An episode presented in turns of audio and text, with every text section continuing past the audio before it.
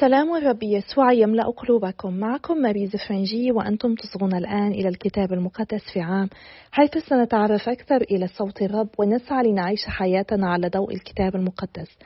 لقد وصلنا إلى اليوم المئة والتاسع والسبعون وسنقرأ اليوم الفصل الحادي عشر والثاني عشر من سفر الملوك الثاني وسنقرأ من الفصل الرابع حتى السادس من سفر عاموس وسنصلي المزمور المئة والثاني وعشرون.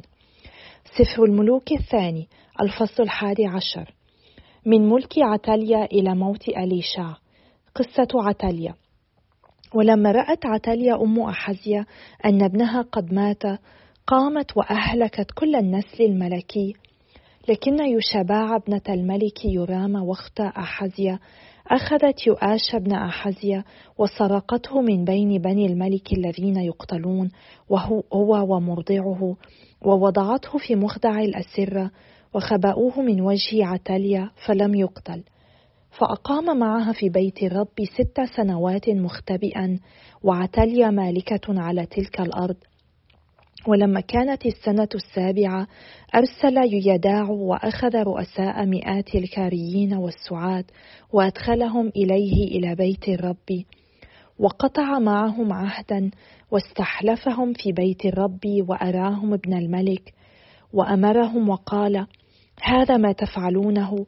الثلث منكم أنتم الداخلين في السبت يتولون الحراسة على باب الملك والثلث على باب سور والثلث على الباب وراء السعاة فتتولون حراسة البيت بالتناوب.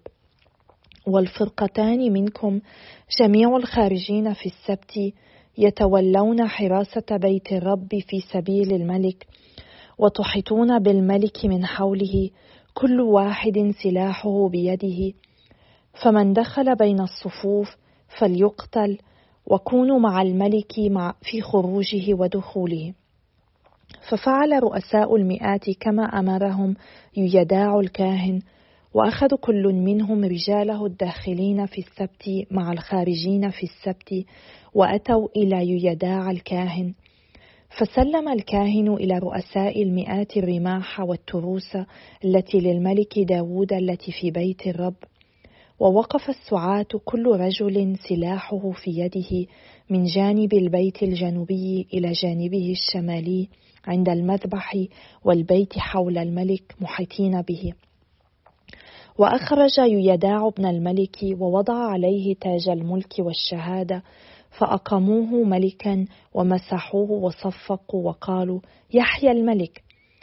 فسمعت عتليا ضجيج السعاة والشعب فدخلت على الشعب في بيت الرب ونظرت فإذا الملك قائم على المنبر بحسب العادة والرؤساء وأصحاب الأبواق عند الملك وكل شعب تلك الأرض يفرح وينفخ في الأبواق فمزقت عتليا ثيابها وهتفت.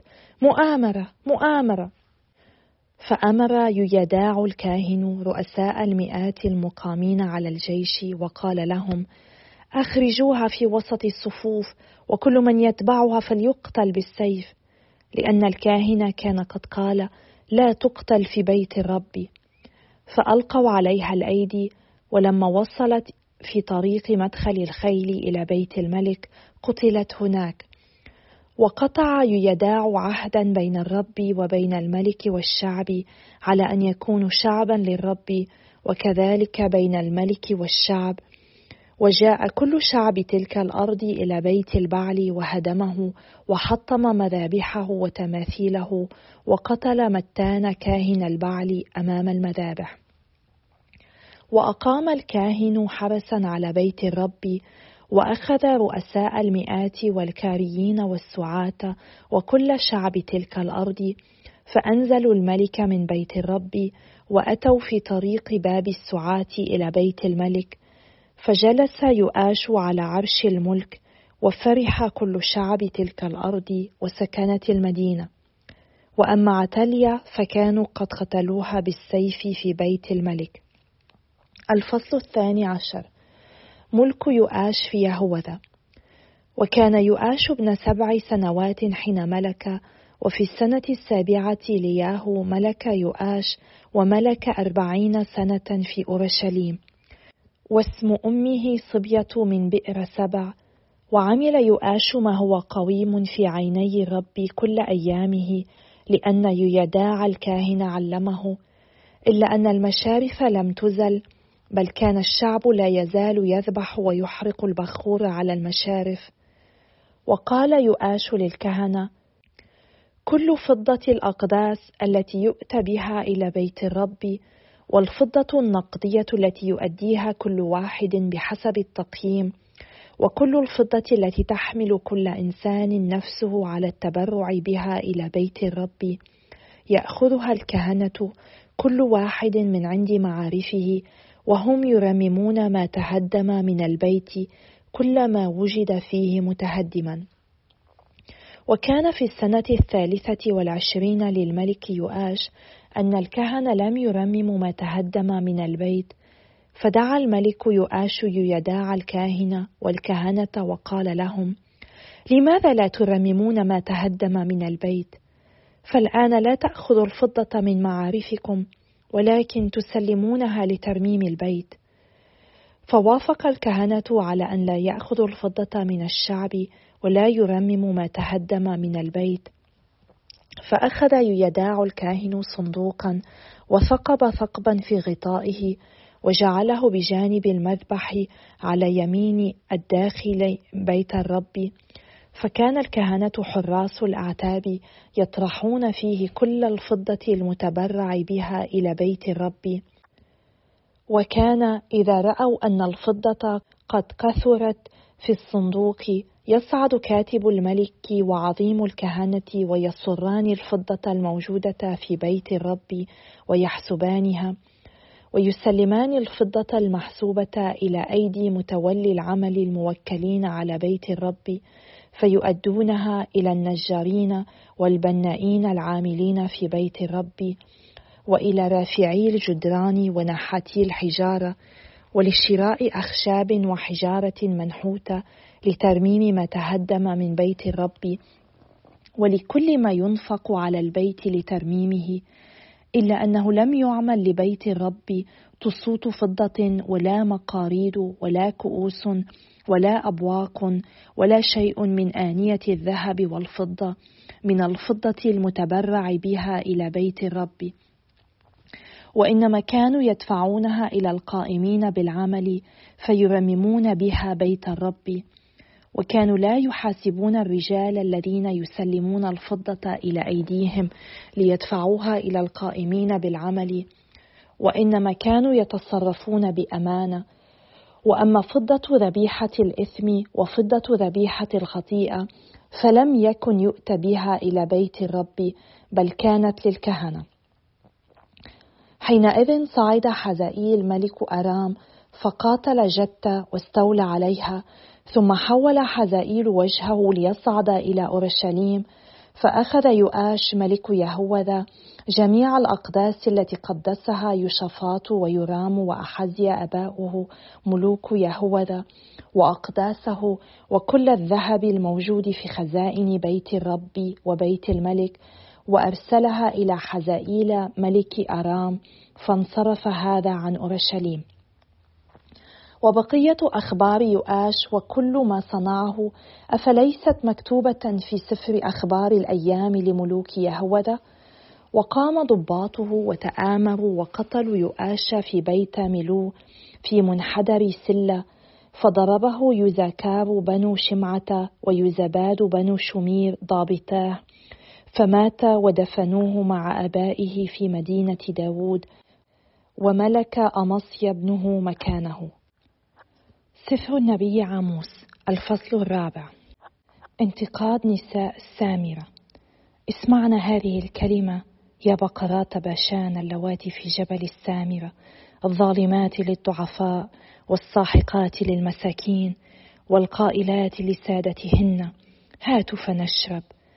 أقسم السيد الرب بقداسته قائلا ستأتي عليكن أيام ترفعن فيها بالكلالب ومن يأتي بعدكن بشصوص السمك فتخرجن من الثغر كل واحدة على وجهها وتطرحن إلى حرمون يقول الرب.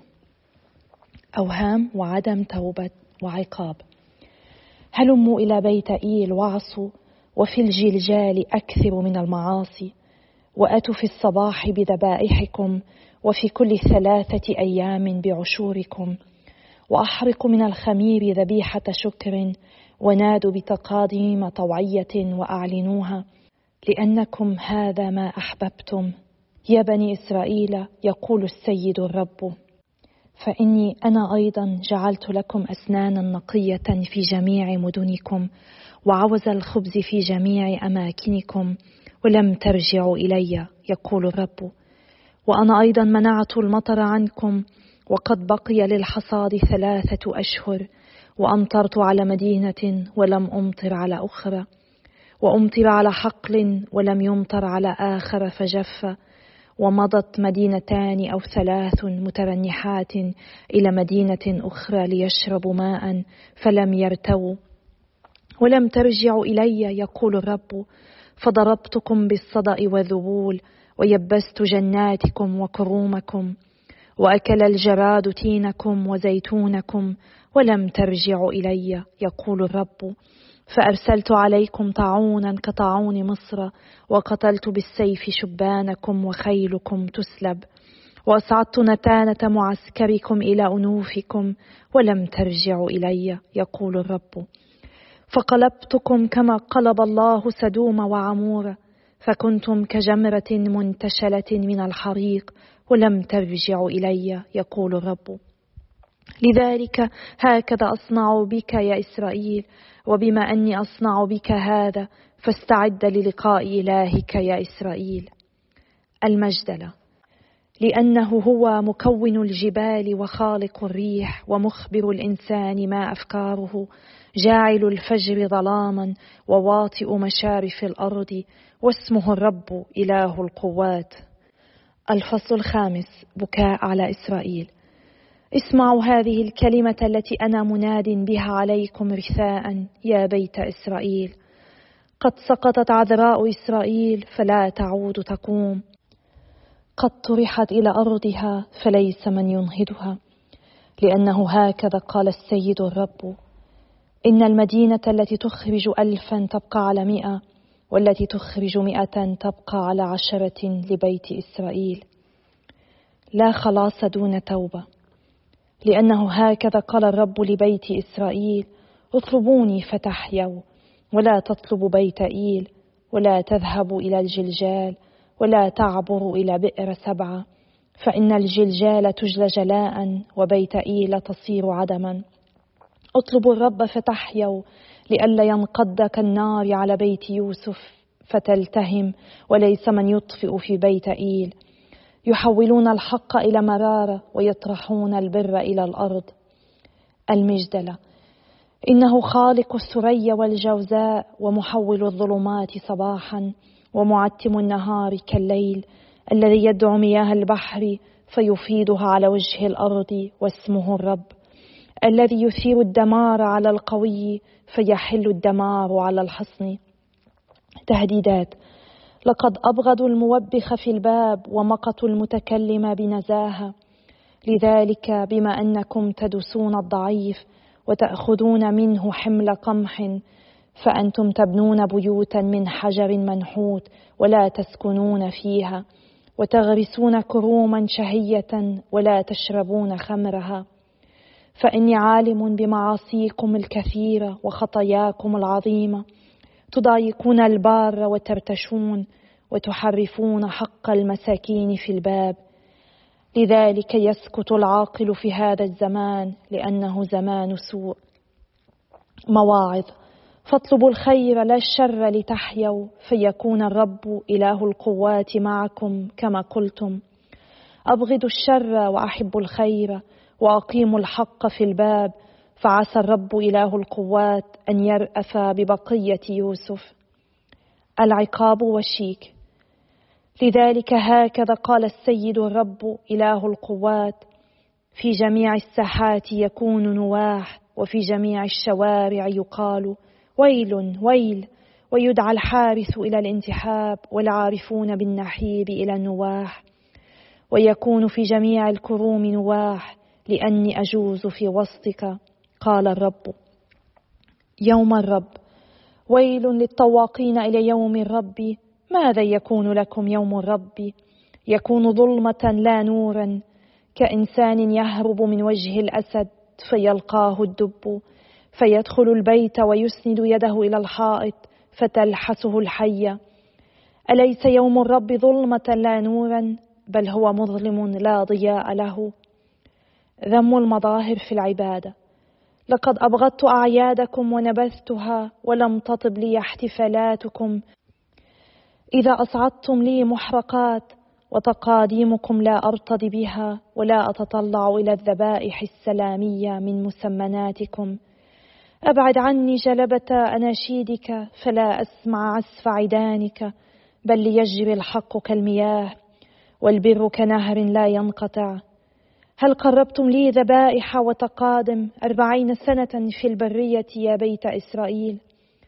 بل حملتم سكوت ملككم وكوان كوكب إلهكم ذين كالتمثالين اللذين صنعتموهما لكم. فسأجليكم إلى ما وراء دمشق قال الرب الذي اسمه إله القوات. الفصل السادس. ذم ترف العظماء وأمنهم الكاذب. ويل للمطمئنين في صهيون والآمنين في جبل السامرة لوجهاء أولى الأمم الذين يذهب إليهم بيت إسرائيل. اعبروا إلى كلنة وانظروا وسيروا من هناك إلى حماة العظيمة ثم انزلوا إلى جتي فلسطين. أأنتم أفضل من تلك الممالك أم أرضكم أوسع من أرضهم؟ إنكم تستبعدون يوم السوء وتقربون سيادة العنف يضجعون على أسرة من عاج وينبطحون على أرائكم ويأكلون الحملان من الغنم والعجول المختارة من المعلف ويرتجلون على صوت العود ومثل داود يخترعون آلات الطرب ويشربون الخمر بالكؤوس ويدهنون بالأدهان النفيسة ولا يكتئبون لانكسار يوسف. لذلك يجلون الآن في رأس المجلوين فيزول فجور المنبطحين. عقاب هائل. لقد أقسم السيد الرب بنفسه. يقول الرب إله القوات إني أكره صلف يعقوب وأبغض قصوره فلأسلمن المدينة وملئها فيكون إذا بقي عشرة أناس في بيت واحد أنهم يموتون. ويأخذ الميت عمه ومحرقه ليخرج العظام من البيت ويقول لمن هو في مؤخر البيت أعندك أحد بعد؟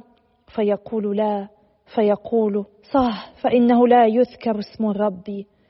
فها إن الرب يأمر ويجعل البيت الكبير حطاما والبيت الصغير صدوعا. أترقد الخيل على الصخر أو يحرس الصخر بالبقر؟ حتى تحولوا الحق إلى سم وثمر البر إلى مرارة. إنكم تفرحون بلدبار وتقولون ألم نكن بقوتنا أخذنا قرنائيم؟ ها أنا ذا أقيم عليكم أمة يا بيت إسرائيل يقول الرب إله القوات فيضايقونكم من مدخل حمات إلى وادي العربة. المزمور المئة والثاني وعشرون نشيد المراقي. لداود. فرحت حين قيل لي لنذهب إلى بيت الرب. توقفت أقدامنا في أبوابك يا أورشليم. أورشليم المبنية كمدينة في وحدة متماسكة. إلى هناك صعدت الأسباط أسباط الرب عملا بسنة في إسرائيل لكي يحمدوا اسم الرب. هناك نصبت عروش للقضاء عروش بيت داود. اطلبوا السلام لأورشليم السكينة للذين يحبونك السلام في أسوارك والسكينة في قصورك. لأجل إخوتي وأخلائي لأدعون لك بالسلام لأجل بيت رب إلهنا ألتمس لك السعادة. أيها الآب السماوي إننا نشكرك. نشكرك على كلمتك. ونحن نصلي المزمور المئة والثاني والعشرون. نطلب منك يا رب أن تتلقى هذه الترنيمة ترنيمة التسبيح منا. إن كاتب المزمور يوجه لنا دعوة أن نذهب معا إلى بيتك يا رب. نحن ندرك أن الهيكل في أورشليم لم يعد موجودا. ولكن يا رب أنت قد جعلت من كل واحد منا باعتمادنا هياكل لروحك القدوس. أنت أعطيتنا الكنائس وأنت تبقى معنا في القربان المقدس في كل أنحاء العالم. نطلب منك يا رب أن تعطينا أن نأتي إليك دائما أن نقدر وجودك معنا في الكنيسة أعطنا يا رب أن نسعى لنكون في حضرتك دائما وأن نتمم إرادتك في كل شيء. وأعطنا يا رب السلام الذي صلى من أجله كاتب المزمور. هذا السلام الذي هو أكثر من مجرد عدم صراع. هذا السلام الحقيقي الذي ينشأ عن إيماننا بك لأنك أنت وحدك يا رب فيك تتجسد كل خصائص السلام. أعطنا أن نجدك دائما يا رب. لأنه معك فقط نجد السلام الحقيقي. باسم يسوع نصلي آمين. باسم الآب والابن والروح القدس الإله الواحد آمين. في سفر الملوك سمعنا اليوم من جديد قصة عتاليا التي قتلت جميع أولاد خزية إلا ابنه الصغير الذي اختطفته عمته وخبأته في الهيكل لمدة ست سنوات. إن الشر الذي ارتكبته عتاليا ليس امرا مفاجئا لأنها قد نشأت في أسرة فاسدة ترعى الشر وتعبد البعل ولا عجب من ذلك. أباها هو اخاب وأمها إيزابيل مما يذكرنا بأهمية البيت العائلة. البيت هو المدرسة الأولى لكل إنسان فيه تتكون كل ميوله واتجاهاته. لذلك تقع مسؤولية كبيرة على الأب والأم نحو أبنائهما. فلنصلي من أجل كل الآباء والأمهات ليعطيهم الرب النعمة كي يتعبا في غرس المبادئ الروحية والسلوك السليم قبل أن يهتموا بنجاح أولادهم في المدرسة وصحتهم وأمورهم المادية. في السنة السابعة لحكم عتاليا أنهى حكمها يهويداع رئيس الكهنة بجعله يؤاش ابن السبع سنوات ملكا. وفي كل المدة التي كان فيها يؤاش تحت وصاية يهويداع الكاهن عمل كل ما هو صالح لأن الاستعانة بالمرشدين الروحيين الصالحين تقود الإنسان إلى ما يرضي الرب. وفي هذا درس لكل واحد منا علينا أن نلجأ إلى مرشدين روحيين وإلى أشخاص صالحين قريبين من الله حتى ينيروا لنا الطريق فنصل إلى بر الإيمان. علينا ألا نتكبر ونرفض اللجوء إليهم لأن في ذلك خطر الانحراف عن طريق الرب. كما كان يؤاش يستجيب لتوجيهات يهويداع ويتمم خطة الله لحياته. كذلك كل خططنا وتصرفاتنا يجب أن تكون بإرشاد الله. ومشورة الله واضحة لنا من خلال كلمته. ولا بد أن تكون حياتنا مثمرة إذا أطعنا مشورة الله. وقد سلك يؤاش باستقامة في عيني الرب لكنه لم يذهب إلى المدى الكافي للقضاء على الخطيئة في الأمة إذ أنه لم يهدم المرتفعات. هو فعل كثيرا مما هو صالح ومستقيم. ونحن عندما يساورنا الشك في أننا لم نذهب إلى المدى الكافي في إصلاح تصرفاتنا يجب أن نتساءل هل ينهي الكتاب المقدس بوضوح عن هذا التصرف؟ هل يمنعني هذا التصرف عن حب الله وعبادته وخدمته كما يجب؟ هل يجعل مني عبدا له؟ هل يؤدي إلى بذل أقصى الجهد في إتمام قصد الله؟ وهل ينفع مؤمنين آخرين؟ إذا سعينا دائما كي نتمم مشيئة الله ونفعل بوصاياه هذا يساعدنا للابتعاد عن الخطيئة التي من السهل جدا الأنغماس فيها.